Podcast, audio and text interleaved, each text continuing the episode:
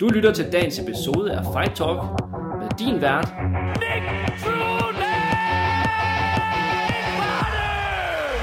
Denne episode er sponsoreret af Copenhagen Content Creators, hvilket også er dem, som producerer denne videopodcast. Jeg har valgt at indgå et samarbejde med Copenhagen Content Creators for at få produceret min podcast her, så det eneste, jeg skal fokusere på, det er sådan set bare, hvad min podcast skal handle om. Det vil sige, at jeg skal ikke bruge tid på at producere det, filme det, klippe det, lægge reklamer ind, og på den måde ligesom producere hele podcasten. Jeg skal udelukkende invitere mine gæster ind, og så, og så lave podcasten sammen det, vi så snakker om.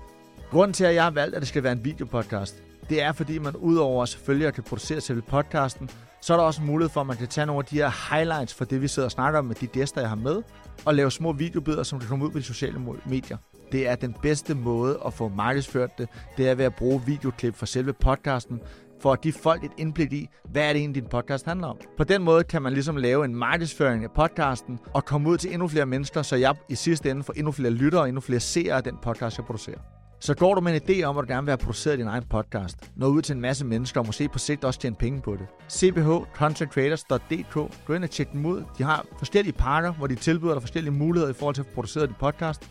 Så jeg kan ikke sige andet end tjek dem ud, og så lad os komme i gang med podcast. Så er det blevet tid til Fight Talk episode 25, og i dag der har jeg øh, fint besøg af øh, den danske landstræner i øh, amatørboksning og ejer af Herlev Bokseklub, eller Herlev Boxing, Øhm, Rashid Idrisi, velkommen til Fight Talk. Nu lykkes det at få dig herind.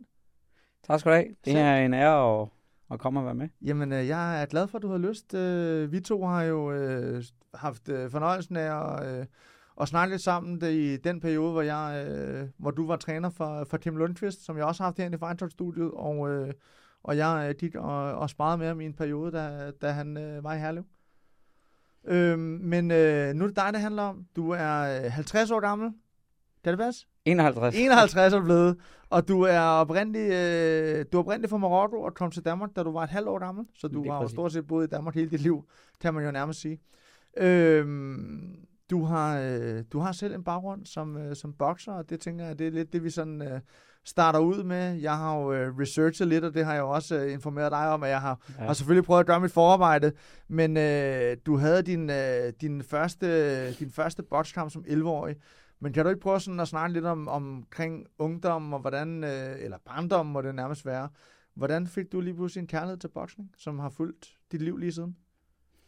Jamen, det var faktisk helt tilbage i, i 83. Jeg startede faktisk til karate, da jeg var 9-10 år. Ja. Øh, og der gik jeg til et år.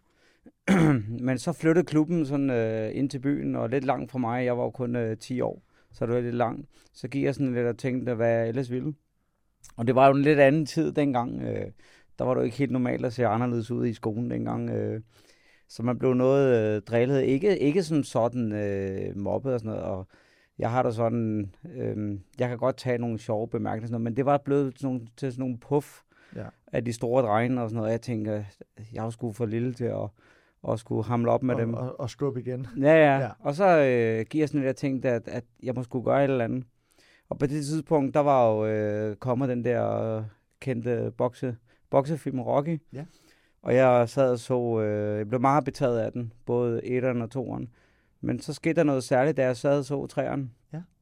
Øh, og så sad jeg med en kammerat, og så sagde jeg til ham, ved du hvad, jeg kunne altså rigtig godt tænke mig at begynde at bokse, og så blive så god som ham Rocky. Øh, så jeg kunne forsvare mig selv. Ja. Jeg vidste jo ikke så meget om boksen dengang, Nej, nej, så jeg nej. tænkte jo, at Rocky, han var jo fantastisk. Han, han var fantastisk til Ja. at bokse, så man Men- kunne forsvare sig selv, ja. Lige præcis. Og øh, jeg har jo altid været mod vold, og det er jeg blevet endnu mere nu, efter jeg starter med at bokse. Men dengang, der blev jeg jo nødt til at gøre et eller andet. Og så starter jeg. Ja.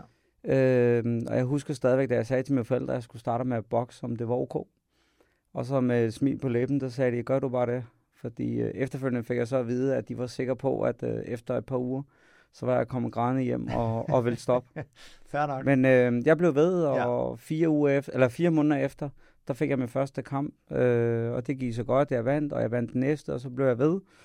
Og så fik jeg en helt anden selvtillid, Ja. og øh, var en helt anden øh, person i skolen, og det er også en af de grunde til, at jeg har så stor kærlighed for boksning. Det var med til at udvikle dig som, som, som menneske. Absolut. Ja. Og så, jamen, så tog det fart, og så, så kom jeg på ungdomslandsholdet, og, og senere på junior- og seniorlandshold osv. Når jeg sådan sad, og øh, det er jo ikke, hvad kan man sige, nu lever vi jo en tid, hvor internettet og alt muligt andet jo øh, blomstrer ud af med informationer omkring øh, nutidens bokser og deres rekordlister og sådan nogle ting, men for den tid, du er fra, og jeg er jo også selv for, for tilbage fra 80'erne, så, øh, så var det ikke der, man kunne finde super meget information, medmindre man havde øh, sådan i, øh, i papirform om, hvad, hvad ens rekordliste var. Men jeg kan i hvert fald finde frem til, at du har været dansk mester seks gange. Det er rigtigt. Du har været sjællandsmester. Du har som sagt også været på landsholdet. Hvordan var, øh, hvordan var tiden dengang kontra i dag sådan med, med, med dansk amatørboksning? Øhm, var, altså, så, var, var boksestilen anderledes, eller var det en hårdere tid, end, end du måske er i dag? Ja, det var, den er bestemt anderledes. Ja. Der, det er meget mere teknisk, træning, øh, teknisk øh, boksning i dag. Ja. Dengang, der, øh, der var der jo øh, meget hård konkurrence. Man skulle igennem øh, flere kampe for at blive dansk mester. Øhm, det var, det var, at, altså, der var mange, der stod øh, tæt på, på hinanden. Altså, det var, øh, etterne og toerne var ikke langt fra hinanden, som man ser i dag. Okay. Øh, der blev slået mange flere slag, og der var meget mere øh, fart på, øh, på kampene. Altså, kan man sådan, når du siger, at der bliver slået mange flere slag, var det sådan lidt mere, ikke et, ikke et brawl, men altså folk boxede, altså slog mere i kampen, end de gør i dag, hvor de er lidt mere afventende og prøver at undvige, og, og på den måde er det sådan i den stil, du tænker, eller? Ja, det er langt mere teknisk i dag. Der skete jo så det på et tidspunkt, der gik vi over til computersystem, Ja, hvor det var kun var de rene træffer, der, øh, der talte. der talte. Ja, og der begyndte det at blive sådan, hvor begge stod med tætte parader, og så ventede på, at de var sådan rimelig sikre på at slå, eller ramme, og så slog de, og så tætte parader igen. Det begyndte at blive lidt for, lidt for meget defensiv boksning. Var det bare, var det bare i Danmark, eller var det sådan grad på verdensplan, man gik for et, for et, et, øh, et, hvad kan man sige, et pointsystem? Det var, Øh, det var verdensplan. Det var verdensplan, ja. Ligesom, så det gjorde også, at sporten ændrede sig. Absolut. Øh, okay. Øhm, hvad hedder det? Men, men altså, du, du, du, har været, du har været aktiv som bokser siden øh, 84 til omkring øh, 2001. Det er alligevel øh, ret mange år. Hvor mange, hvor mange amatørkampe kampe noget, du havde i, i, i den periode? Øh, jeg havde øh, 100, øh, 108 Du amatørkampe. havde 108 amatørkampe. Ja. Så fik jeg faktisk, jeg nåede faktisk at få to professionelle, men det var Okay. mere, det var mere for ligesom at bare prøve det. Da Ja. jeg, jeg var sådan lidt stoppet, jeg gik faktisk for 2001, der fik jeg lige pludselig lyst til at prøve kickboxing. Ja. Og der var jeg lige over at have nogle kampe, øh, både som amatør og professionel. Ja, for du har også noget at vinde noget, noget titelvært som kickboxer, hvad kunne jeg, kunne jeg læse mig frem til? Ja. Ja. Ja, jeg prøvede, øh, jeg var med til VM første gang, det var som amatør, og så der blev jeg så skadet i semifinalen, fik en bronzemedalje, Ja. ja. og så efterfølgende fik jeg så nogle profkampe, og så har jeg haft to EM-titler og en VM-titel. Og det var er det, er det i den kickbox-form, hvor man har øh, let kontakt og fuld kontakt, og, altså hvor du kæmper med hjelm på som, som amatør? Ja. Ja, okay. det, er, øhm, det er med hjelm og, og hvad hedder det, bare overkrop, da der var jeg var, da jeg kæmpede Da var amatørerne. Som amatørerne, amatør? Okay, ja. ja, okay. Da jeg så havde de der prof øh, titelkampe, det var det selvfølgelig uden hjelm. Og også med, med fuld kontakt til hovedet? Og, Ja. ja okay. Det var, jeg stillede op i fuld kontakt, fordi det var det, der lignede boksning mest. Ja. Det var spark over livet, og så øh, selvfølgelig også spark til hovedet, og så almindelig boksning. Hvad, hvad gjorde du lige pludselig, hvad kan man sige? Nu havde boksning fyldt så meget af din, øh, af din ungdom, og det gør den jo også i dag, må man sige bestemt. Men hvad gjorde du lige pludselig, fik du lyst til at prøve kræfter med noget andet? Jeg stoppede med at bokse, øh, da jeg var 29 år, og jeg synes, jeg synes, det var lidt tidligt at stoppe. Og som jeg startede med at sige, så har jeg haft, haft en kærlighed for, for boksning. Så da jeg stoppede, så jeg havde ikke lyst til at bokse mere, men jeg havde stadigvæk lyst til det der med at komme op i ringen. Ja. Men jeg var, jeg var mæt af boksning. Øhm, I hvert fald kampe. Jeg kunne godt lide at træne boksning.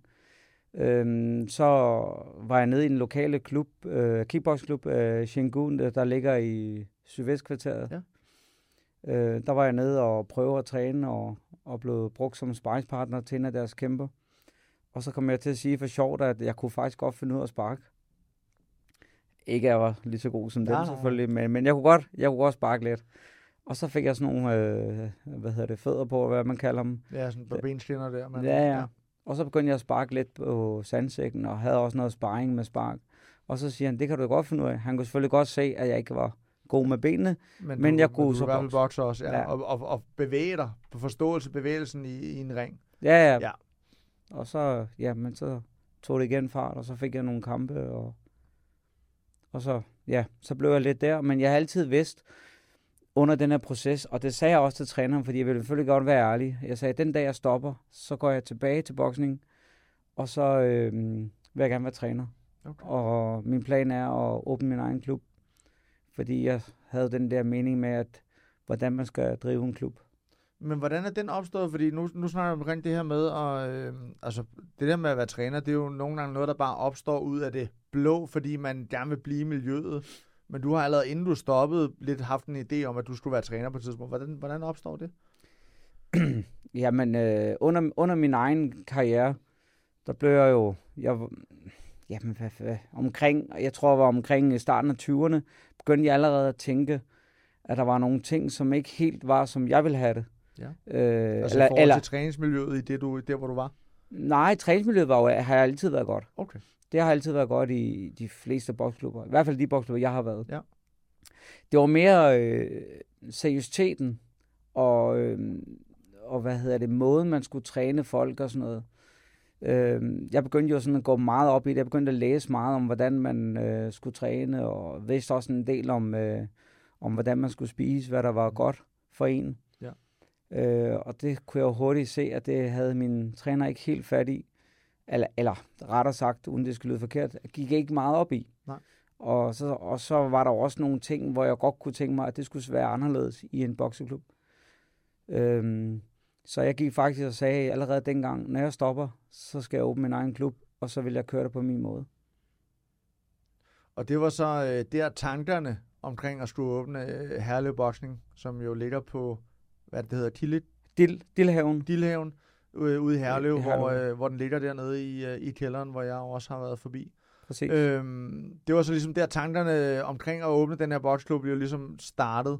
Ja. Men, øh, men det var ikke sådan en proces, der, øh, der var nem, eller øh, noget, man så nemt fik Herlev til at, øh, at sige ja til eller støtte op om. Hvordan, øh, kan du ikke prøve sådan at sætte lidt om, om hele den her proces med at, øh, at åbne klub og, øh, Mm. og komme for, for ingenting til, til der, hvor jeg er i dag? Jo. Jamen, øh, som sagt, så fortsatte min karriere, og da jeg så havde min øh, sidste kamp, der sagde jeg, nu, nu skal jeg i gang med det her. Så øh, jeg fik lavet et langt brev til øh, kommunen, hvor jeg sådan forklarede lidt om mine ambitioner. Jeg lavede et CV, som jeg sendte, øh, og så skrev jeg lidt om, øh, hvad jeg godt kunne, øh, eller hvad jeg, hvad jeg mente, jeg kunne drive den her klub til. Og jeg skrev blandt andet, at jeg ville kunne lave øh, en af Danmarks bedste boksklubber inden for fem år. Mål på medlemmer og mål på resultater. Mm. Og så sendte jeg selvfølgelig også øh, lidt om procesmålet og hvordan det hele det skal køres. Og sendte det afsted, og jeg fik faktisk rimelig hurtigt svar, at jeg skulle komme til et møde. Og jeg var så til det her møde, og det, jeg kan huske, det første de siger, det var, at, øh, at det ser jo rigtig fint ud, og vi mangler en bokseklub i Herlev. Problemet er bare, at jeg synes, du har skudt over mål. Ja. Og, og det første, jeg siger, men det kan jeg egentlig godt forstå, du siger. Øh, fordi hvor mange... Øh, Hvor mange åbner klubber bliver, den bedste, bliver blandt de bedste på fem år? Ja, ja, og det kan jeg godt forstå, men jeg fortalte dem så om min ambition og hvordan det hele skulle køre. Øhm, og jeg sagde, at vi vil opnå det. Ja. Og øh, så sagde de, jamen ved du hvad, der, vi har ikke nogen lokaler lige nu, der går et stykke tid. Så jeg gik så hjem, og jeg ville jo gerne være træner nu, for jeg var klar. Du var Og så- klar til at begynde at, at skulle, hvad kan man sige, effektuere det, den måde, du gerne vil undervise på eller træne Ja. på. Ja.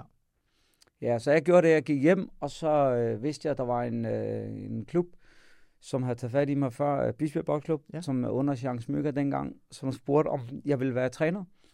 Øh, og så tænkte jeg, det gør jeg. Så jeg blev så cheftræner der, og efter et år, øh, jeg skulle tænke på, at det var helt nye bokse, vi havde. Ja.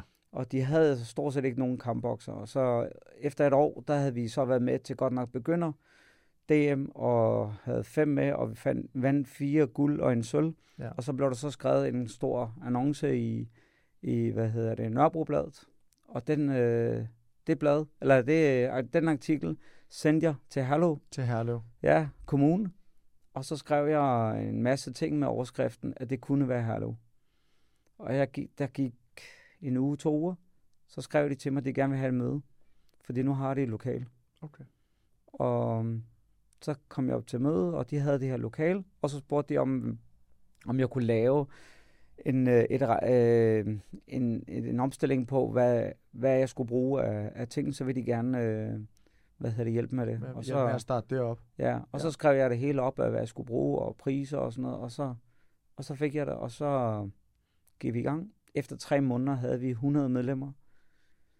Øhm, efter to og et halvt år blev vi kåret som øh, Sjællands bedste klub til de sjællandske mesterskaber, og blev også øh, anerkendt som en af de stærkeste, og var det så seks år efter fik jeg så fik vi for, for bedste klub i Danmark I til Danmark. de danske mesterskaber, ja. og så er det bare taget fart. Så er det taget fart lige siden der. Ja. Kan du ikke sådan, hvad kan man sige, da du, da du ligesom starter med den her proces med at skrive til Herlev, der har du selvfølgelig en idé om, hvad det er, der, hvad det er, der gør, at du vil kunne, eller kunne bygge den her klub op til at blive det, den er i dag. Hvad var det for nogle tanker, du gjorde dig, som du følte, der var med til at kunne opnå de resultater? Øhm, for det, du må have lavet en anden en, en, salgstale eller noget til, til Herlev, som siger, hvad er det, du kommer med, som, som ja. gør det? Jeg ser rigtig mange trænere rundt omkring, som, som øh, eller det så jeg jo dengang, og det findes der selvfølgelig stadig i dag, at der kører, øh, der kører deres klub 80, måske 70 procent. Jeg sagde øh, allerede dengang, jeg vil hellere være en øh, god, træ, øh, god øh, træner i 20 år, end jeg vil være en halvgod træner i 40 år. Det vil sige, at jeg vil gå all in, og jeg vil sigte højt. Øh, jeg træner ikke bare mine bokser til at blive danske mester, jeg træner dem til at også kunne nå så langt, de nu kan. Altså øh, få det bedste ud i hver bokser. Derudover går jeg også meget op i, at vi har et godt øh, træningsmiljø. Det vil sige, at øh, alle øh, træner skal behandle hinanden ordentligt. Formanden skal øh, hvad hedder det, snakke ordentligt til, til trænerne. Ja. Øh, motions, motionsholdet skal have lige så meget ud af det, som kampholdet skal have. Hvor man ser i mange klubber, der motionsholdet, det er jo det er bare et hold det er, i det, klubben. Det er bare et hold, der, der skaber medlemmer, der mm. skaber penge til klubben, som, som, som gør, den kan løbe rundt. Ja. ja. Men jeg ser dem som øh, en investering. Jeg ser dem som vores medlemmer, ja. som er en del af fællesskabet. Og, øh, og jeg sagde, at jeg vil, jeg vil lave det perfekte træningsmiljø øh, på tværs af alle øh, hold. Og der har vi nu i dag, 11 år efter, mener jeg stadigvæk, at vi har et, øh, et hvad, godt når, fællesskab. Når du siger, nu, og fællesskabet er selvfølgelig den ene ting, men hvad er det, når du siger det perfekte træningsmiljø, hvad er det, hvad er det for dig? Hvad er det, det betyder at have et, et træningsmiljø, der er, der er godt? Jamen det er, hvor, øh, hvor alle snakker sammen øh, på tværs af alle hold.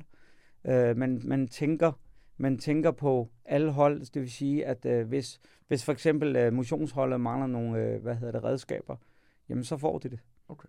Øh, hvis, hvis motionsholdet har, har lyst til, det har de jo nogle gange, så vil de gerne holde en fest. Øh, kan vi ikke lige få nogle midler til det? Og det får de. Okay. Fordi jeg føler, at det er rimelig vigtigt, at alle øh, bliver tilgodeset. Det er jo, det er jo, det er jo en, en, en, en, en god tanke, en god måde, ligesom at, hvad kan man sige, du, du, du fagner så bredt i, i boksklubben, så det ikke kun er fokus på de talenter, der nu ellers er. Men der er ingen tvivl om, at der er talenter i Herlev, fordi med de resultater, I har lavet, øh, gennem de sidste mange år til, til både DM og, øh, og, og har folk på landsholdet og de her ting. Øh, du er ikke alene, og der er selvfølgelig også nogen, der, der, der assisterer dig, men det er trods alt stadigvæk dit DNA, det er dig, der har skabt klubben.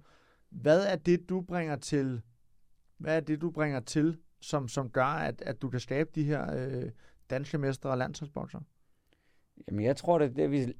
jeg lidt startet med at sige, at øh, jeg vil hellere være, øh, jeg vil hellere gå all in i 20 år, ja. end jeg vil gøre 50 procent i, i 40 år. Ikke? Altså, jeg går all in, øh, også jeg siger til bokserne, at min telefon den er åben 24-7. Øh, jeg træner dem selvfølgelig øh, fast. Jeg er der selv hver gang. Øh, ekstra træning, når vi skal op til noget stort. Ja. De får løbeprogrammer, de får træningsprogrammer, de får at vide, hvad de skal træne derhjemme. Også styrketræning. Øh, de får også, øh, hvad hedder jeg, vide med, med kost, som også er vigtigt og så kræver jeg bare meget af dem. Ja. Øh, jeg ved godt, at det så også koster os nogen på kamphold, altså medlemmer på kamphold. Altså der er nogen, der føler, at du har, du har krævet for meget? Eller? Ja. ja okay. Og, øh, men dem, der bliver tilbage, det er dem, der gerne vil noget. Så kan man sige, jamen skal der ikke også være plads til bredden? Øh, jo, det skal der selvfølgelig være. Men når vi har så mange, og der skal lige siges, der er jo lang venteliste på kampholdet, og ja. vi, vi tager ikke flere ind på kampholdet. Nej. Øhm, men når vi har så mange, så kan jeg jo godt kræve lidt af dem. Og dem, der er på kampholdet, er jo også nogen, som gerne vil videre. Så Ja. de synes jo, det er fint, øhm, at, at øh, der bliver krævet så meget af dem, ikke? Det, jeg, og det, og det, er jo, det, hvad kan man sige, det er jo, en, det er jo en, øh, en, en, en luksus at have, men når man så også får succesen, så kommer sådan nogle muligheder jo selvfølgelig også, at du har lidt mulighed for at vælge, øh, hvordan du gerne vil have det skal være, eller hvad du skal kræve for, at man vil være en del af det her fællesskab. Absolut, absolut. Ja. Øhm, og man kan jo sige, at bokserne kan også godt mærke, at hvis, øh, hvis træneren er seriøs, så bliver bokserne også bare mere seriøs. Det, det er der ingen tvivl om. Det spejler, øh, hvad kan man sige, det spejler jo ud i, øh, i ens øh, elever, eller, eller, eller hvad vi nu skal kalde dem, når man, når man underviser. Hvis du, hvis du har passion eller brænder for noget, jamen så, øh, så kan man jo også godt tydeligt mærke det. Absolut, Øhm, ja. Og nu, nu har jeg jo ikke, jeg har ikke selv haft dig som træner, men jeg har jo haft oplevelsen af dig, og, og været ude en, en, en del gange i Herlev, og, og, og som sagt, øh, spare med Kjem, da, da han var hos jer. Øhm, og der er ingen tvivl om, at, at, at der, er en, der, er en, der er en tydelig fornemmelse af at mærke på de bokser, som jeg kender. Nu har jeg også med din søn og, og nogle andre, som har trænet ude hos jer. Det er tydeligt at mærke på dem, at de, øh, de, de ved, hvad de får, eller de ved, hvor de har dig. Øh, og de har en kæmpe respekt for, for, øh, for når du siger noget, jamen, så, er det, så er det det, der skal til. Mm. Øhm, jeg har selv jeg har haft fornøjelsen af at træne øh, for mange år siden op i din lejeboksklub, øh, og jeg har også set andre trænere. Øhm, jeg har endnu ikke set nu være ude til Herlev Night, og det har jeg også været en enkelt gang før for, for en del år siden, ja. øhm, som jo er det stævne, I holder. Det kan vi komme lidt ind på lidt senere. Men øh, jeg har aldrig set dig vred. Jeg har aldrig set dig, øh, der er aldrig sådan råbe Mhm. øh, af dine bokser. Er det, øh, at, at det kan også være det tilfælde, at jeg kan se det, men, men, men du kræver meget af dem, men, men du stiller dem aldrig ud. Er det noget, der sådan, er det sådan bevidst, eller er det, er det bare ikke noget, der ligger til din natur? det er, øh, det, det, man kan jo sige, det, det, er jo, det er jo en blanding af begge dele. Uh, et, så, så ligger det ikke til min natur. Okay. Uh, der er mange, der har sagt til mig, også i privaten, også på arbejdet, og, bliver du aldrig sur? uh, og det gør jeg måske ikke, men alligevel jo, selvfølgelig gør jeg det, men, men, men, men der skal meget til. Ja. Uh, i, øh, i, når vi snakker øh, selve klubben, så har jeg da sådan lidt, at uh, respekt, det er ikke noget, man råber sig til. Det er noget, man gør sig fortjent til at være at vise, at man, øh, hvad skal man sige, har styr på det, man laver. Mm. Men man snakker til dem med en vis autoritet. Jeg, jeg kan godt lide, at, jeg kan godt lide, at man har en autoritet, så længe man kan bruge den rigtigt. Men der er ingen grund til, at jeg skal råbe mig til respekten. Mm. Hvis det er, at man snakker klar og tydeligt, øh, og, og de kan se, okay, han har styr på det, han øh, siger og gør, så får man respekt den gang. Så er der ingen grund til, at jeg skal råbe af dem. Mm. Det er i hvert fald hellere sådan, jeg vil, jeg vil hellere have det sådan, at, at de har den tiltro til mig, og de godt kan mærke, at det er mig, der styrer det, at jeg ikke behøver så at råbe det ind i hovedet på dem, fordi så begynder det ikke at være så sjovt at, at være i træningslokalet. Nej, det kan i hvert fald godt skabe en, en, en ret dårlig stemning i forhold til... Øh, altså et af, du har jo både, øh, du har både øh, teenager og ungdomsbokser, men du har også voksne, som, som jo er, er bokser, og, og det er jo, hvad kan man sige, det kræver en eller anden form for respekt, ikke? Og, og det er ikke altid nemt, at man føler, at man bliver respekteret, hvis man bliver råbt af. Absolut, absolut. Og det er, og det er jo lige meget, om det er unge eller, eller voksen. Ja. Omvendt så får jeg også tit at vide, øh, at jeg roser for lidt. Ja. Og, øh, og det vil jeg give dem ret i, og det er meget bevidst, at jeg ikke gør det. Øh, grund til, at jeg ikke øh, roser så meget, altså jeg kan godt sige, ja lige præcis, fortsætte sådan, men det er jo ikke det, ros. Ros, det er, når jeg siger til dem, ved du hvad, i dag, der, der gjorde du det godt. Ja.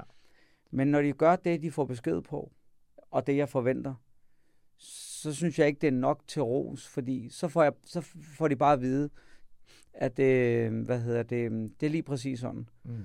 Og så nogle gange, når de så endelig får ros, så er det fordi, de gør noget ud over det sædvanlige. Og så roser jeg dem, og så siger de, okay, nu tror jeg, jeg har gjort det godt, fordi du roser sgu aldrig. Nej. Øhm, de synes også, det er godt, fordi man ser jo mange træner, de roser deres bokser hele tiden. Altså, bokseren har øh, nul kampe, han er allerede verdensmester, fordi at han har fået så meget ros. Ja. Og jeg tror, det er...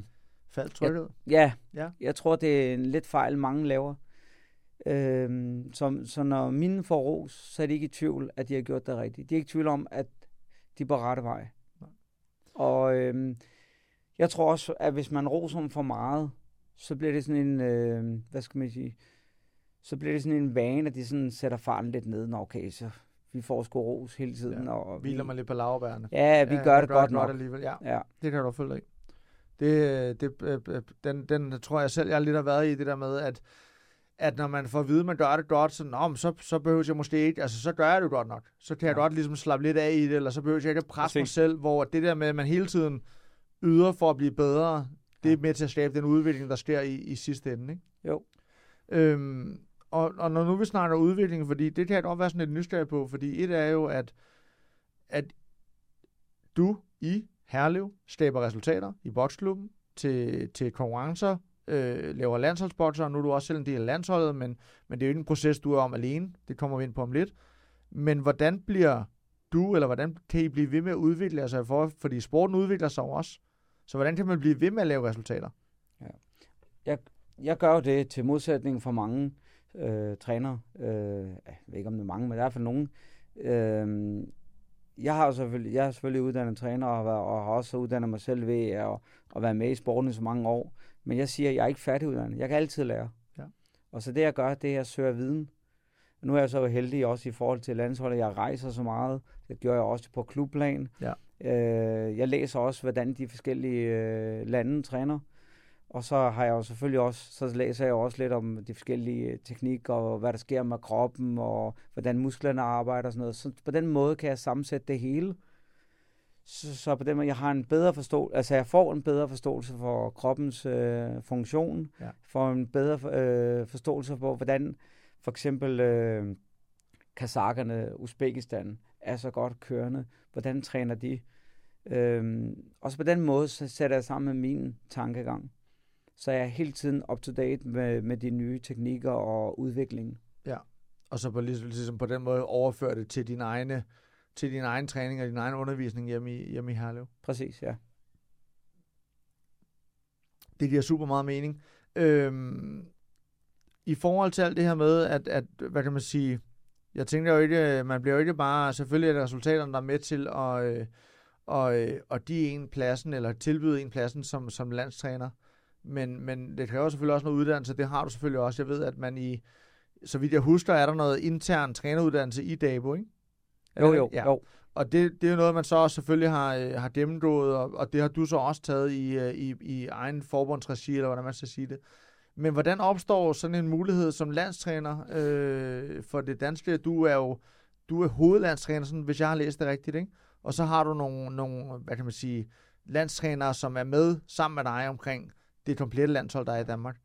Hvordan hænger, hvordan hænger hvad kan man sige, sådan rent sportsligt, så er der et U19-landshold, og der er et seniorlandshold, er der et U17, U17, U17 også, Ja. og der er så en træner for hver. Ja. Og der er du sådan, er du så hovedtræner for alt, eller kun for senior? Det er jo sådan, øh, hvad hedder det, du har jo en, en øh, ansat øh, landstræner, Ja. og det, det er jeg. Okay. Så jeg er hovedansvarlig for alle trupperne. Ja. Og så har vi gjort sådan, så er det jo sådan op til os i elitesession, hvor vi sidder tre personer, øh, hvordan vi vil øh, uddelegere det her. Det vi har gjort, det er jo, som de fleste landstræner også har gjort, det er, at vi har en ansvarlig for U17, ansvarlig for U19, ansvarlig for elite, som så er senior, Ja. og så ansvarlig for pigerne. Okay. Men til sidst har jeg også ansvar for det hele, det kører. Okay. Og jeg kan, jeg kan tage med til alle turneringerne, uanset om det er U17, U19 eller Elite. Øh, og så prøver vi at få de ansvarlige med til de turneringer, hvis kalorier passer ind til. Så det, det, det er sådan, det er delt op. Okay. Og hvordan, hvad kan man sige, så, så holder man øh, landsholdssamlinger, hvor, hvor at, at du ser selvfølgelig øh, kæmperne, og dem, der er med omkring landsholdet, ser kæmperne til forskellige stævner, for jeg tænker, at du kan ikke være alle steder. Nej. Så der er selvfølgelig nogen, der, der byder ind med at sige, har du, har du set ham her, eller har du set hende her, eller det her det er et talent, der er på vej frem. Er det, er det sådan, hvad kan man sige, hvis du, er, hvis du bliver dansk mester, er det så ens betydende med, at du er kvalificeret til landsholdet, eller er det direkte udtalelser for, øh, for, for, for jer af, for landsholdssiden? Overhovedet ikke. Okay. Jeg har jo selv danske mester i min klub, som, Ja. som ikke er gode nok til Som ikke er god nok til landsholdet? Ja. Okay. Øh, dansk mester, det, det er ikke en billet til, til landsholdet. Det kræver meget. Man skal også kunne se ens boksestil, man skal kunne se ens, øh, øh, hvad skal man sige, bokseudvikling, og hvor meget bokser de fra ens egen klub. hvordan bokser de internationalt, øh, hvor mange bo- kampe bokser de på en øh, sæson. Der er jo mange klubber, de har måske en bokser, der bokser 3, 3 til 6 kampe om året. Vi vil gerne have, de bokser de voksne, altså øh, senior, som så bliver kaldt elite, Ja. 15 til 20 kampe om året. Ja. Øh, de yngre, de er 10 til 15 kampe om året. Det ser vi gerne. Selvfølgelig er der så nogen, som er lidt undskyldt, hvis de har svært ved at finde modstandere til dem, hvis de er så stærke. Ja. Så når vi, så man kan sige, jeg er jo lidt heldig i, at at jeg også er klubtræner, det vil sige, at jeg er meget ude. Ja. Jeg er også, så mange stævner. ja. Ja. Så jeg ser rigtig mange stævner, jeg ser mange bokser, så jeg har sådan rimelig godt kendskab til, til alle bokser, som, som er på et vist niveau. Men fører du en eller anden form for statistik over det, eller er det ren og skær, hvad du, hvad du oplever og ser, og så ligesom har kontakterne rundt omkring i landet, eller hvordan, hvordan ud, altså, det, jeg, jeg tror, jeg er nysgerrig på, sådan, hvordan selve processen er i forhold til det med, hvordan finder vi den trup, vi gerne vil have med, Ja. og er truppen, er det, er det en, øh, hvad kalder man det, en, en brutotrup, altså hvor du har en, en, en større mængde bokser, og så for den trup udvælger du dem, der skal med til denne her øh, turnering. Altså vi har, vi har et landshold, lige nu er der faktisk præcis 30 personer. Okay. 30, det er inklusive U17, U19, elite, også piger, drengene og piger. Ja. Og øhm, når, når der så kommer, så har vi selvfølgelig en vis antal U19, hvis vi snakker om dem. Når der så kommer for eksempel øh, en turnering i U19, så kigger vi, hvor, stærk er den her? Er det vores bedste, vi skal sende afsted? Mm. Og så sender vi dem, vi mener, der er stærke nok til den her øh, turnering. Og det samme gør vi i hver kategori. Okay. Og selvfølgelig øh, uanset om det er øh, hvad hedder, piger eller, eller mænd. Og øh, selve udvælgelsen til landsholdet, det er, der har vi jo en elite med tre personer. Og øh, så tager vi nogle emner op, og så kan vi jo sige, jamen, så du lige ham der, eller så du lige hende der. Hvad, hvad, hvad synes du om, om, øh, om ham eller hende? Ja. Og så diskuterer vi lidt frem og tilbage, og jamen, hende skal vi lige holde øje med. Så kan det være, at vi lige ser et par kampe mere, før vi udtager dem. Før udtager dem, ja. Så har vi også de andre landstrænere, der er med indover. De kan også, øh, hvad hedder det, byde ind. Og så sidder vi og diskuterer dem lidt, så alle får en, øh, en færre øh, behandling. Ja. Og der er også nogle gange, hvor enten træneren eller bokseren selv henvender sig og siger, jamen, hvorfor er jeg ikke på landsholdet? Og så er der mange, der tænker, at det er da irriterende, at de selv ringer og spørger, men jeg, jeg synes, det er godt. Jeg Jeg synes, det det er er et godt. arrangement for, at man gerne vil det. Ja. Så de får, øh, de får en, øh, en god dialog, øh, og jeg forklarer dem, øh, hvad der skal til, og tit og ofte så forklarer jeg dem, at jeg har set dem, og der er en god udvikling, og vi lægger selvfølgelig mærke til dem. Ja. Og så vender vi tilbage, når vi synes, det, at vi har det rette tidspunkt til at udtage bokseren. Når vi snakker sådan rent det her, nu så du snakket om, hvor mange sådan forventninger I har til, øh, til, hvor mange kampe de skal have på et år. Øh, nu har du selv haft, var det 108 kampe? Ja. ja. Øhm, og jeg kommer jo, altså jeg har også haft, jeg nået at have fem eller seks amatørkampe. Jeg har mødt blandt andet Kjem tilbage i min Ja, anden er, øh, til nede i Nykøbing. Det er ikke en kamp, vi snakker så meget om. Vi snakkede også om, da han var herinde. Men, øh, men lige meget hvad, så, øh, så har jeg altid været sådan lidt, lidt forundret over, at man som amatør skal have så mange kampe.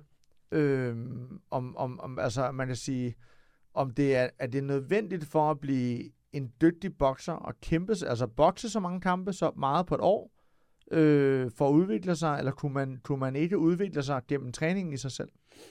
jo, altså, jeg kan, godt, jeg, jeg selvfølgelig godt forstå i forhold til de andre kampsport, Ja. at det lyder ret meget, man, har- man skal have i stedet mellem 10 og 20 kampe på et år, alt efter øh, alderen. Ja. Men der er jo så mange bokser i Danmark, at der er rigeligt at bokse. Og der er så mange øh, udlandske turneringer, vi kommer ud til. Jeg kan fortælle dig, det her det er lavt sat, øh, i stedet mellem 10 og 20. I udlandet, der bokser de 30, Så 40. bokser det hver weekend. Ja, ja. Ja. Det, så, så hvis en bokser i udlandet har, har bokset i måske 8 år, så er de langt over 100 kampe. Ja, okay. Øh, Så for at kunne være med på et internationalt niveau, og så bliver du selvfølgelig også nødt til at, at selv at have noget erfaring for at stå i ringen, for at kunne... Øh, altså ellers så skal du være et, et kæmpe talent for, for at gå ind og gøre en forskel. Absolut, ja. Ja, okay. Det giver selvfølgelig super meget mening, men jeg kan ikke lade være med sådan også stadigvæk at have, og det er jo, det er jo ikke, det er jo hverken øh, i forhold til boksning eller, eller MMA eller noget af det, som jeg også selv har dyrket, eller, eller kickboxing eller thai-boxing, men det er jo mere det her med, at der er jo også en eller anden form for skadesrisiko, og det er der jo lige meget hvilken form for kontaktsport, du dyrker. Øhm, men jeg kan stadig ikke lade være med at tænke på, at, at det er mange kampe, det er mange slag til hovedet, fordi boksning primært er krop, hoved, krop, hoved. Ja. Øhm, så, så altså, er der ikke noget sådan, er der ikke noget sådan sportsligt øh, i forhold til, at man også prøver at, at, hvad kan man sige, passe på? Eller tænker man bare, du bokser, så er det sådan her, det er? He- helt sikkert. Øhm, det går jeg meget op i, Ja. i det med skader, fordi øh, hele min træning er også bygget op i, at der er masser af skadeforebyggende træning. For eksempel okay. opvarmning gør jeg meget ud af, fordi det, det er, synes jeg er den vigtigste del af en træning, Ja. ja. det er, at du skal varme ordentligt op.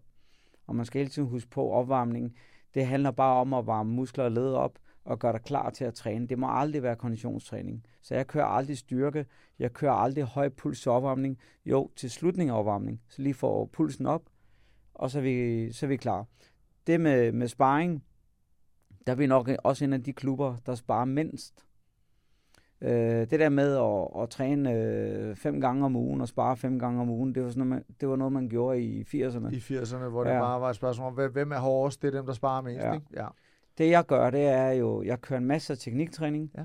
og jeg kører også det, man kalder for partnerøvelser. Det vil sige, der er to folk, eller to bokser, der står over for hinanden, og så den ene, han får at vide, at han skal slå jab, og den anden, han får at vide, at han skal undvige og slå kontra. Ja. Men det er meget stille og roligt.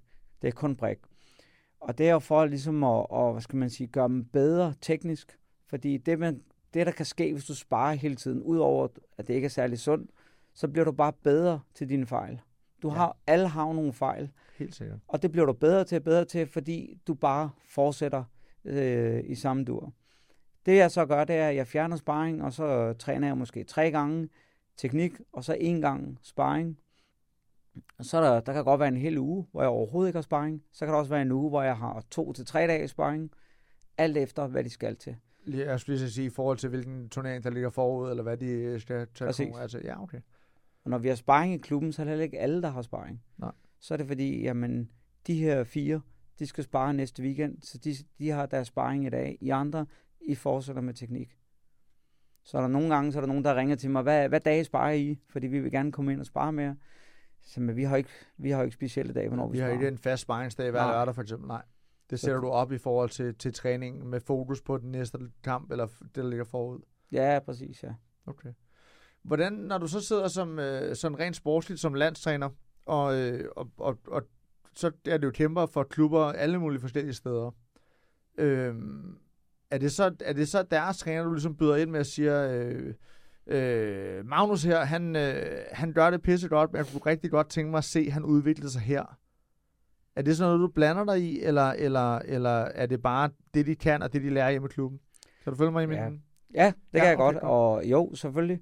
Og jeg kalder det ikke at blande, jeg kalder det ligesom at give dem en feedback. Ja. Øh, når, hvis jeg har haft en, øh, en bokser med i, til udlandet og, og boks, uanset om de vinder eller taber, så ringer jeg altid op til træneren, når jeg kommer hjem, og så får de en, en, øh, en øh, status over, hvordan det er status. gået, hvad der er godt og hvad der er skidt. Og så siger jeg, jeg, jeg mener, at han skal forbedre sig inden for det her område. Og, og så får vi en god dialog, og det, det har der altid været øh, meget øh, respekt omkring, fordi også det der med, at de får ligesom at vide, hvad der er godt og skidt, og så får vi en god dialog om det. Ja. Ja. Man skal altid huske på, at klubbetrænerne, det er dem, som træner bokserne. Det er dem, der bruger en masse tid på det. Vi overtager jo bare til den her turnering. Til den her turnering. Jeg er godt klar over, at vi også laver nogle, øh, hvad hedder det, træningslejre og sådan noget, men det er altså klubben, klubbens træner, der står bag som den her har været bokser. bag den her bokser for, ja. Fra start af. Ja. Så det mindste, vi kan gøre, det er at få en god dialog med træneren. Det, det giver super meget mening.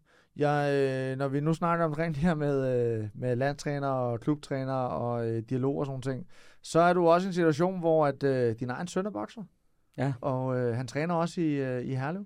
Ja. Øhm, hvordan, øh, hvordan opstod hans øh, interesse for boksning? Var det fordi, at, at du allerede var, øh, var bokser, da, da han ligesom voksede op, eller, eller hvordan startede Elias' øh, lyst til også at prøve det? Jamen, da han var dreng, der, øh, der var, hvad hedder det, bokser jeg selvfølgelig stadigvæk. Ja.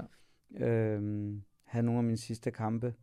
Der var han så lille, at, at han ikke, det kan jeg nok sikkert ikke huske, men, men han var selvfølgelig med til træning og sådan kiggede lidt og sådan noget. Da jeg så åbnede klubben, der var han øh, ni, ni år, hvad jeg tror, på det tidspunkt.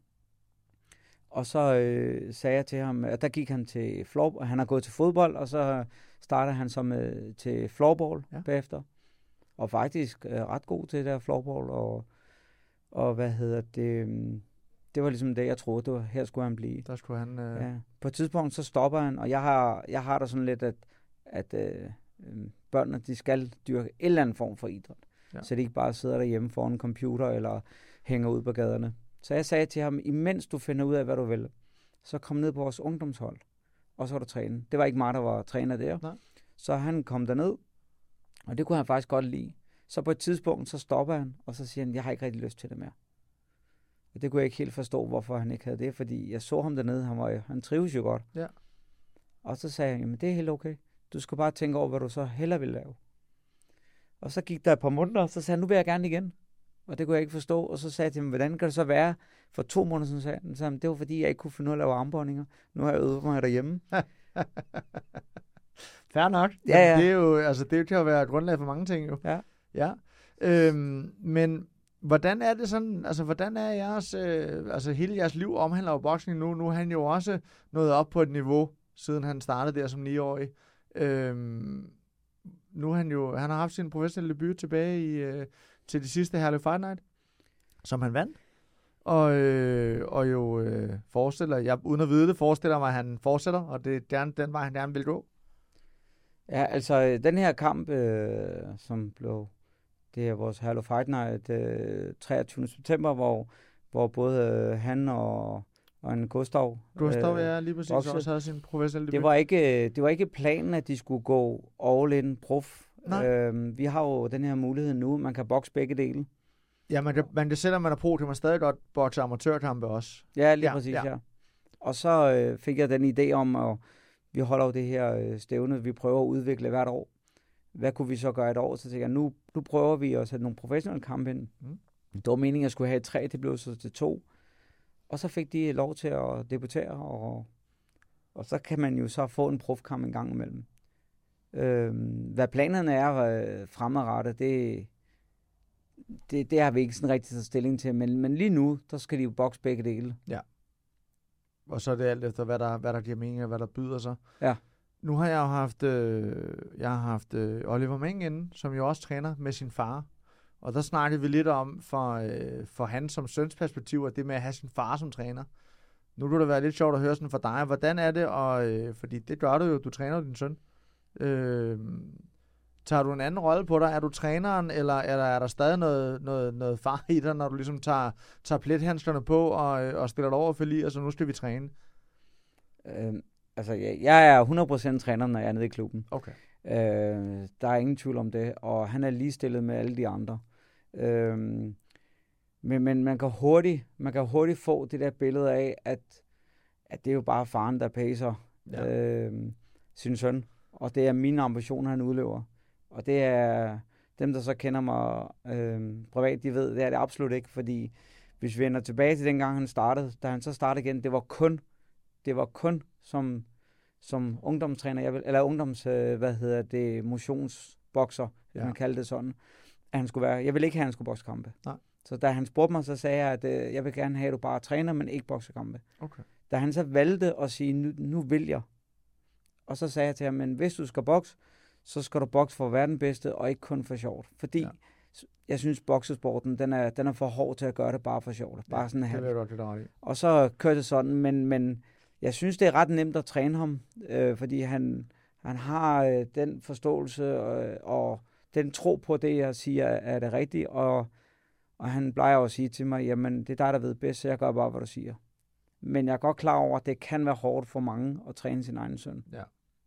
Ja, det, det, det forestiller mig. Nu har jeg jo ikke selv stået i, i den situation, men, men jeg, kunne, jeg kunne forstå på, på, på Olle for eksempel, at, at, at, øh, at boksning fylder meget, også når man kommer hjem. En gang imellem kunne det være rart at bare kunne være familien, når man var hjemme, og ligesom kunne lægge lidt boksning ja. Fra jer. Og jeg kunne også godt forestille mig, uden at vide det, at I også stadigvæk snakker boksning hjemme. Er det, er det en hypotese, jeg har ret i? Det har Eller- du. Ja, Det, det, kan, det kan ikke undgås. Nej. det fylder, det fylder hele Ja. livet. Det kan både være positivt og negativt, ikke? Øh, at, man, at det fylder så meget. Ikke? Det positive kan jo også godt være, at så, så er det ikke gået så godt til træning i dag. Nej. Så kan han godt sidde under aftensmaden og lige sige, ja, det var ikke så godt i dag, det var fordi sådan, sådan, sådan. Så får jeg en meget bedre forståelse for, hvorfor det ikke gik så godt. Ja. Så er der nogle gange, hvor det er gået godt, øh, hvor vi siger, at i dag, i dag var det faktisk meget godt, øh, hvad, hvad gjorde du anderledes, og sådan nogle ting. Ikke? Øh, omv- omvendt er det også vigtigt for mig, at som person, at jeg ikke kun udvikler ham som bokser, men også som menneske. Jeg går meget op i, at man skal være ydmyg, og, og som jeg siger til ham, øh, at du er nået så langt i boksning, er ikke fordi, at det er medfødt. Det er simpelthen, fordi du knokler hårdt for det. Den dag, du lader være med at træne, så vil du miste meget af det her. Ja. Så lad være med at tage noget for givet, ikke? Og det er jo, øh, det tror jeg, jeg har snakket med mange om det her med, at selvfølgelig findes der øh, nogle super dygtige talenter, men, men, men 90 procent eller 95 procent af de, dem, der er på toppen, det er fordi, de knokler. Det er fordi, de Præcis. er der hver gang. Det er ikke et spørgsmål om motivation, det er et spørgsmål om disciplin. At man ja. Ja. gør det, fordi man gerne vil det. Og, øh, og så er det vejen for at nå målet, drømmen, hvad der nu ellers øh, står forud for, øh, for, den, for den, det mål, man nu sætter for sig. Ikke? Jo, absolut, ja. Øhm, nu snakker du selv Herlev Fighter lige før, og det synes jeg er et stævne, som, som, som godt kan tåle at blive nævnt igen. Nu har jeg jo øh, oplevet mange stævner, og, og jeg må indrømme, at, øh, at da jeg var ude at se jeres, øh, jeres seneste show her, jeg har oplevet det også for en del år tilbage i en anden hal, øh, synes jeg, jeg mener, det var. Det var det. Har det altid været i Herlev Ja. Så kan det godt være. Men jeg kan i hvert fald huske det anderledes, men det er så også lige meget. Øh, men lige meget hvad, så, øh, så den oplevelse, jeg havde, da jeg var, var ude her sidst, det var en, øh, det var en atmosfære, der, øh, der sagtens skulle bære endnu større, øh, altså øh, der, der kunne sagtens være flere mennesker, det virkede lidt som om, at der var, der var fuldt udsolgt, Der er udsolgt, ja. der var udsolgt, og der var, øh, der var en stemning, som jeg ikke synes, jeg ser til alle de stævner, jeg er ude til, om det er MMA, thai-boksning eller boksning, så, øh, så var der en, en, en særlig atmosfære. Øhm, det forestiller mig selvfølgelig både har noget at gøre med, at, at der er en del af de lokale øh, kæmper på fra, øh, fra, din, fra din egen klub af, men også fordi, at der er en, en, en kærlighed til, altså en, en voksende kærlighed til boksning i Danmark. Er, Ja. det, er du enig i den øh, sådan observation eller tanke her? Ja, altså det er det. Altså folk kan jo godt lide de stævner, hvor man gør noget ud af det. Og så for at vende tilbage til det første spørgsmål med hensyn til Herlev Boxing, hvor, hvad der drev mig til at holde, eller øh, åbne egen klub, det var jo for at gøre en af de bedste, eller for at lave en af de bedste klubber. Ja. Året efter, vi startede i 12, i 13, der fik jeg, øh, der fik jeg tanken om at lave et stævne. Okay. Og vi tog det op i styrelsen, og så sagde jeg, hvis vi skal lave stævnen, så skal vi lave en af Danmarks største boksstævner. Og så havde jeg en plan om, hvordan de skulle holdes, hvordan vi skulle udvikle. Allerede dengang, der vidste jeg, at jeg ville holde mange stævner, så jeg kaldte øh, round 1, øh, runde 1, og så, nu har vi lige holdt runde 8. Og så kommer der en ny runde hver, hvert år. Ja. Der har så været, øh, under corona har vi ikke ho- Har været afholdt det, det så, op, som de fleste Ja. andre også har været ude Ja, så derfor er vi kun i gåsøjne i 8. Ja. Ja. Så skulle vi have været nummer, nummer 10. Ikke? Jo. Øh, men, men øh, hvad skal man sige? Det jeg så øh, har gjort med det her stævne, det er, jeg, øh, da jeg var i kickboxing i syv år, Ja. der var jeg ude til en masse kickbox og thai-boxing, og det de er gode til, det er det der promovering af stævne. Blandt andet med det der med plakater med, med, Med fighterne box, på, med fighterne Ja. på, og lave nogle promovideoer, og, og indgangsscenerne gør de meget mere ud af.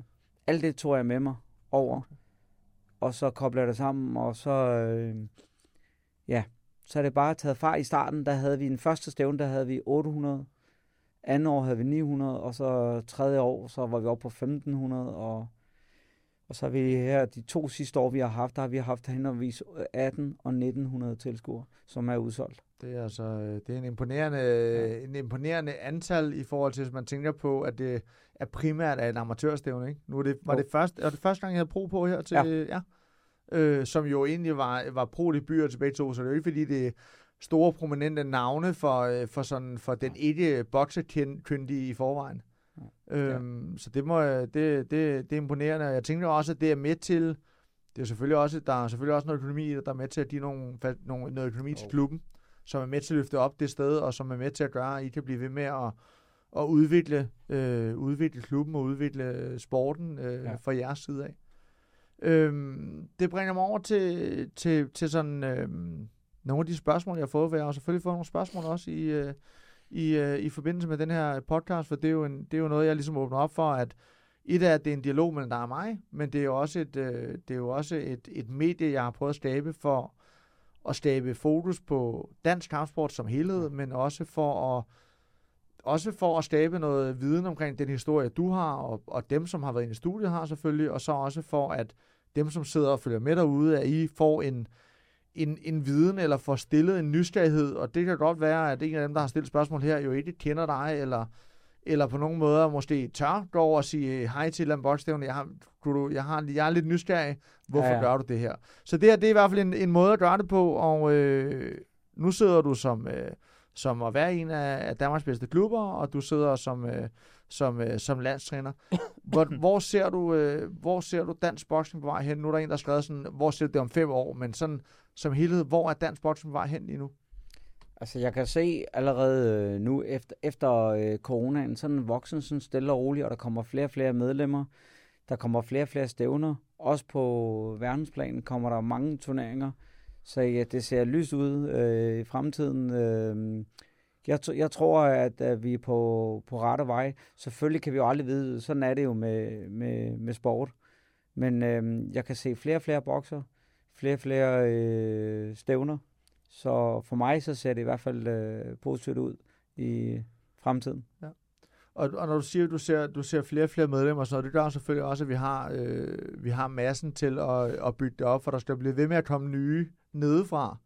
Fordi ja. det, som, hvad kan man sige, det, som jeg ser lidt udefra nu, øh, det er, at vi ser flere og flere øh, kæmpe at blive professionelle. Øh, der er lidt flere professionelle stævner hjemme nu, øh, hvor Bettina Pallev har, øh, har det, hun holder Royal Arena nu. Kæmpe gået, øh, gået er blevet promoter for, eller han er ikke selv promoter, eller er han det? Nej, det er hans, det er hans bror, der er ja. det, som er promoter, men han er selv med i, og er med til at arrangere det. Ja. Og de har det her, er det Ringside, det hedder, tror jeg. Ja. Og så er der øh, dem over i Stive, øh, TK, TK ja. øh, som jo så også har lavet et eller andet samarbejde med, med Ringside nu, som, ja. som jeg har kunne, kunne læse mig frem til. Så der er jo lige pludselig en, en, en større professionel platform i Danmark øh, alene, hvor ja. man måske før skulle, øh, skulle til udlandet, eller hvor det var, øh, var Sauerland, der lidt sad på, på den, øh, den elite, der var af professionelle i Danmark i, ja. i, i sin tid. Ser du det som en, en, en positiv ting, eller bliver det så for nemt at blive professionel? Altså, øh, man skal jo passe på med at sige, om der er positivt eller negativt. Det er jo altid godt, der er en masse tilbud for bokserne. Det, der, det, der, jeg synes, der er vigtigt, det er, at de trænere, der har de der bokser, at de vejleder om ordentligt. At de ikke går for tidligt over og bliver professionel. Øh, der, der er nogen, som... Altså, det er jo klart, men man ser jo sig selv som, øh, som øh, eller mange, mange af de unge ser jo selv som det største, de kan opnå, det er at blive professionel. Ja. Øh, hvor jeg, jeg, jeg vil jo sådan sige, jamen prøv at opnå noget som amatør først, gå hen og blive professionel bagefter, hvis det er det, du vil. Mm. Så er der nogen, der egner sig bedre til professionel end amatør.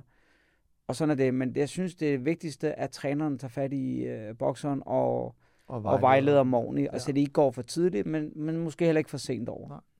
Hvad er det, man sådan, øh, hvad kan man sige, hvad er, hvad er den største forskel? For et er, at du, du botcher mindre, mindre handsker, du botcher flere runder.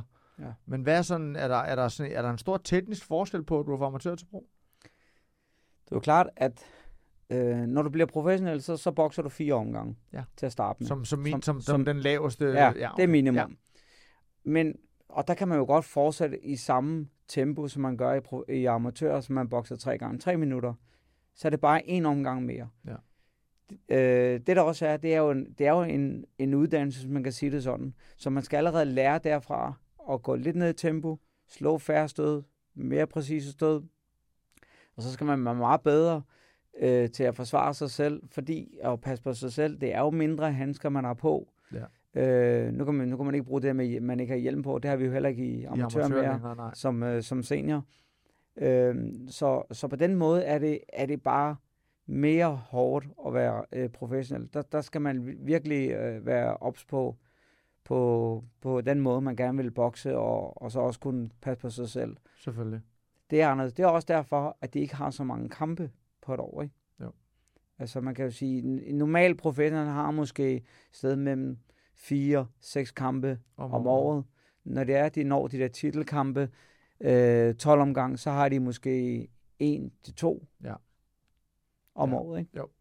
Jamen, og, og det giver jo et eller andet sted også, øh, det giver, øh, giver sindssygt god mening. Jeg tror, jeg, jeg, jeg er helt enig med dig i det her med, at, at øh, jeg tror rigtig mange har en drøm om at blive professionel, fordi at det lidt kan blive set som, at så er man, har man opnået et eller andet. Øh, men altså, der er jo ikke nogen, nu har jeg jo også selv været professionel og, og haft 10 kampe, men jeg har aldrig nogensinde blevet til andet, end at jeg har fået nogle penge for de kampe, jeg har haft, men ja. det er jo ikke, fordi jeg har nået noget med det. Og jeg har jo ikke haft en eller anden øh, fuldtidsprofessionel livsstil, hvor jeg ikke har skulle arbejde eller noget andet, mens jeg gør det. Det er der jo heller ikke super mange danske professionelle, der kan. Nej. Det, det, kræver, det kræver, at man når noget længere. Ja. Øhm, hvor langt op skal man hvor langt skal man som professionel, før det begynder at blive, kunne blive en, et, et, et, noget, man lever af? Altså, der, der skal du op og have de der øh, titelkampe, eller så skal du være heldig at få en rigtig god kontrakt, og det er lidt svært. Ja. Øh, du skal jo bokse dig op, ja. og det synes jeg også et eller andet sted er, er, er fair nok, fordi man skal ikke komme for nemt til tingene. Man kan være heldig, hvis man har haft en god amatørkarriere. Altså, du har vundet EM, VM eller OL-medaljer, ja. så kan du være heldig at få en kæmpe kontrakt, hvor du også kan leve af det. Ikke? Ja. Men ellers så skal du bygge det op, og så, jeg tror, det er få bokser herhjemme, der har kunnet leve af det. Så, øh, men, men det er jo klart, det vil jo være at foretræk, så man kunne gå all in på, på boksning. Det, det er der ingen tvivl om, og det, det bringer mig lidt til det næste spørgsmål. Eller jeg, jeg justerer måske, det, det er det her med, om det er svært at blive pro i Danmark, end det er i andre lande. Men det, jeg egentlig gerne vil måske lidt dreje over i, øh, du nævnte øh, tidligere selv øh, Uz- Uzbekistan og, og nogle af de lande, mm. som jo har et, øh, et ry for at være bokselande, fordi de træner boksning i, i sådan i institutter eller i sådan skoleregi, ja. at de simpelthen har akademier, hvor man ja, nærmest lever boksning. Det frem for en uddannelse, så er det, så er det boksevejen. Ser du det som en, hvad kan man sige, de får mange flere træningstimer brændt igennem, end ja. vi gør herhjemme, fordi der tager vi en uddannelse, vi går i skole, og så, så er det primært det, vi gør, og så tager vi til træning efter skole. Øhm, er, det en, er det en fordel? Altså, de, de producerer jo nogle flere bokser, end vi gør. Vi er også et lille land selvfølgelig. Men, ja. men er det en fordel at, at, at, at, at bo i et land, hvor at man hvor landet måske mere støtter op omkring det, at du bliver bokser? Ja, absolut. Det er det. Ja. Altså, øh, det optimale, man kunne have, det var, hvis man havde en, øh, sted, en, øh, et sted, hvor de kunne træne om morgenen, gå i skole eller arbejde, komme ja. hjem, træne, træne igen, igen, så bor de der, og så i weekenderne tager de hjem. Ja. Jeg har været i Tyskland flere, af flere omgange på træningslejre, der lever de sådan. I, i Bundesligaen eller i øh, jamen eller, det, eller bare sådan? Ja, det er sådan nogle støttepunkter, de okay. har. Og øh, det er helt klart øh, at foretrække. Det, det er den vej, vi skal, hvis vi skal nå hele vejen. Det gør de også i Uzbekistan og Kazakhstan og hvor det nu er. Ikke? Vi har lige været på træningslejr i, i Marokko, ja. hvor vi boede i deres olympiske by. Der, bor de, der er de lønnet. Okay. Der får de fast løn, så de ikke skal arbejde. Så, og det er øh, simpelthen staten, der støtter op omkring, at ja. de skal udvikle sig på den måde? Præcis. Okay. Så de kommer øh, søndag aften, kommer de hjem fra weekend, og så træner de. Fredag efter morgentræningen kan de tage hjem. Dem, der bor tæt på, de tager hjem hver weekend. Dem, der bor lidt længere, de tager hjem hver anden eller hver tredje weekend. Og så øh, bokser de der, og de kan følge deres udvikling, og øh, så er det landstræner, der er ansat. De bor også på øh, i den lejr. Ikke? Ja. Og sådan er det i de lande, som, hvor staten går ind og vælger at støtte... Og støtte op. At det er, det er nationer, som støtter op om sport. Sådan er det jo. Ja. Det er jo ikke kun boksning, det gør de jo også med, med andre discipliner, hvor de har en mulighed for at, ja. at, at ligesom være kendt for det. Det ved man jo også for, for Kina, Ukraine og Rusland har mange Bestemt. store traditioner for, at, at sport er noget, man, man måler sig på, ja. øh, sådan rent menneskeligt, om, om man er dygtig til en eller anden sport. Helt sikkert, ja. Og det, det kunne være dejligt, hvis vi havde det i Danmark, ja. hvis vi havde den mulighed. Det har ja. vi desværre ikke. Øhm, så derfor vil de jo altid være et skridt foran. Ja. Men vi, vi prøver at arbejde lidt hårdere for det, og så håbe på, at øh, det ville gavne vores bokser. At det stadigvæk kan udvikle ved dansk sport. For jeg synes jo stadigvæk, at vi har jo både, altså vi laver både medaljer til, til turneringer. Nu har vi lige uh, Nikolaj, jeg kan ikke huske, hvordan Tatar, Tatarian, Tatarian ja. har lige kvalificeret sig til, til OL. Ja. Øh, og, øh, og vi har jo professionelle bokser, der stadigvæk laver resultater og, og ja. vinder øh, continental-titler og silver-titler og stille og roligt løfter sig op på ranglisterne, så vi kan jo stadig godt være med. Ja, øh, absolut. På, ja. på, på både amatør- og, og professionelt mm. niveau, sådan rent internationalt. Ja. Øhm, så, så, så på den måde, der er det jo det, er jo det der er sådan lidt svært, hvor, hvor er den, hvad er den rigtige opskrift? Der er ingen tvivl om, at, at du har fundet den rigtige opskrift i, i Herlev, i forhold til at udvikle, øh, hvad kan man sige, øh, talenter og, øh, og skabe medaljer og skabe resultater som Ja. helhed. Men, øh, men det er jo ikke, øh, hvad kan man sige, det er jo ikke nødvendigvis den samme for alle. Nej, og øhm, det er også det, at, hvad skal man sige, jeg prøver at, hvad skal man tage noget fra det, hvordan de gør det seriøst. Det eneste, jeg ikke kan, det er selvfølgelig, at jeg ikke kan have dem, øh, hvad hedder det, fast boende, øh, så de kunne, øh, hvad hedder det, træne morgen, Ja. ja. arbejde, og så tilbage igen om aftenen. Det, det kan ikke lade sig gøre, men vi prøver så vidt muligt med, med de, øh, hvad hedder det, ressourcer, vi har, at få dem til at træne så meget som muligt, og kræve så meget som muligt. Som jeg også starter med at sige, det koster også nogle øh, medlemmer. Ja. Øh, men, men dem, der bliver, det er dem, der gerne vil det. Og det er både på klubplan, men også på, på landsholdet. Ja. Man skal ikke være bange for at stille krav. Og det er vi blevet lidt her i, i, i Danmark. Ah, man skal også lige passe lidt på, fordi øh, det kan være, at de bliver lidt, øh, hvad hedder det, Stødt. såret og Ja. stødt og Ja. alt det der, ikke? Så længe man siger det på en ordentlig måde, og skærer godt igennem, hvis du skal blive til noget, så er det den her vej, vi går. Ja. Så gør du dem også en tjeneste. Øh, ved at forklare det lige ud, øh, som, som, som det er. Og så kan de selv tage højde for, om, Om, om, de, om det er det, Om de det, vil eller ej. Ja, om, om lige de præcis. med på den måde. ja, Det, det synes jeg, øh, det giver rigtig meget mening, øh, og det tror jeg, at der er, det er der mange, der vil kunne lære noget af, og det tror jeg ikke bare, at, at kampsport generelt, men det der med, at vi lever i et samfund, hvor at man er meget påpasselig med, hvordan man siger tingene, men en gang imellem, så skal tingene ikke nødvendigvis pakkes ind, så skal de altså bare sige, som de er. Ja. Og så må man som person, når man får beskeden, vurdere, om man synes, man vil det eller ej. Ja. Øh, I stedet for, at man lidt bliver fragtet over til det i, i alle mulige små vendinger, før man finder ud af, om, om det er det eller ej. Rashid, øh, et, øh, et sidste spørgsmål, inden vi, øh, vi nærmer os stille og roligt vejs ende i dag i vores snak omkring, omkring dig og, og boxing generelt.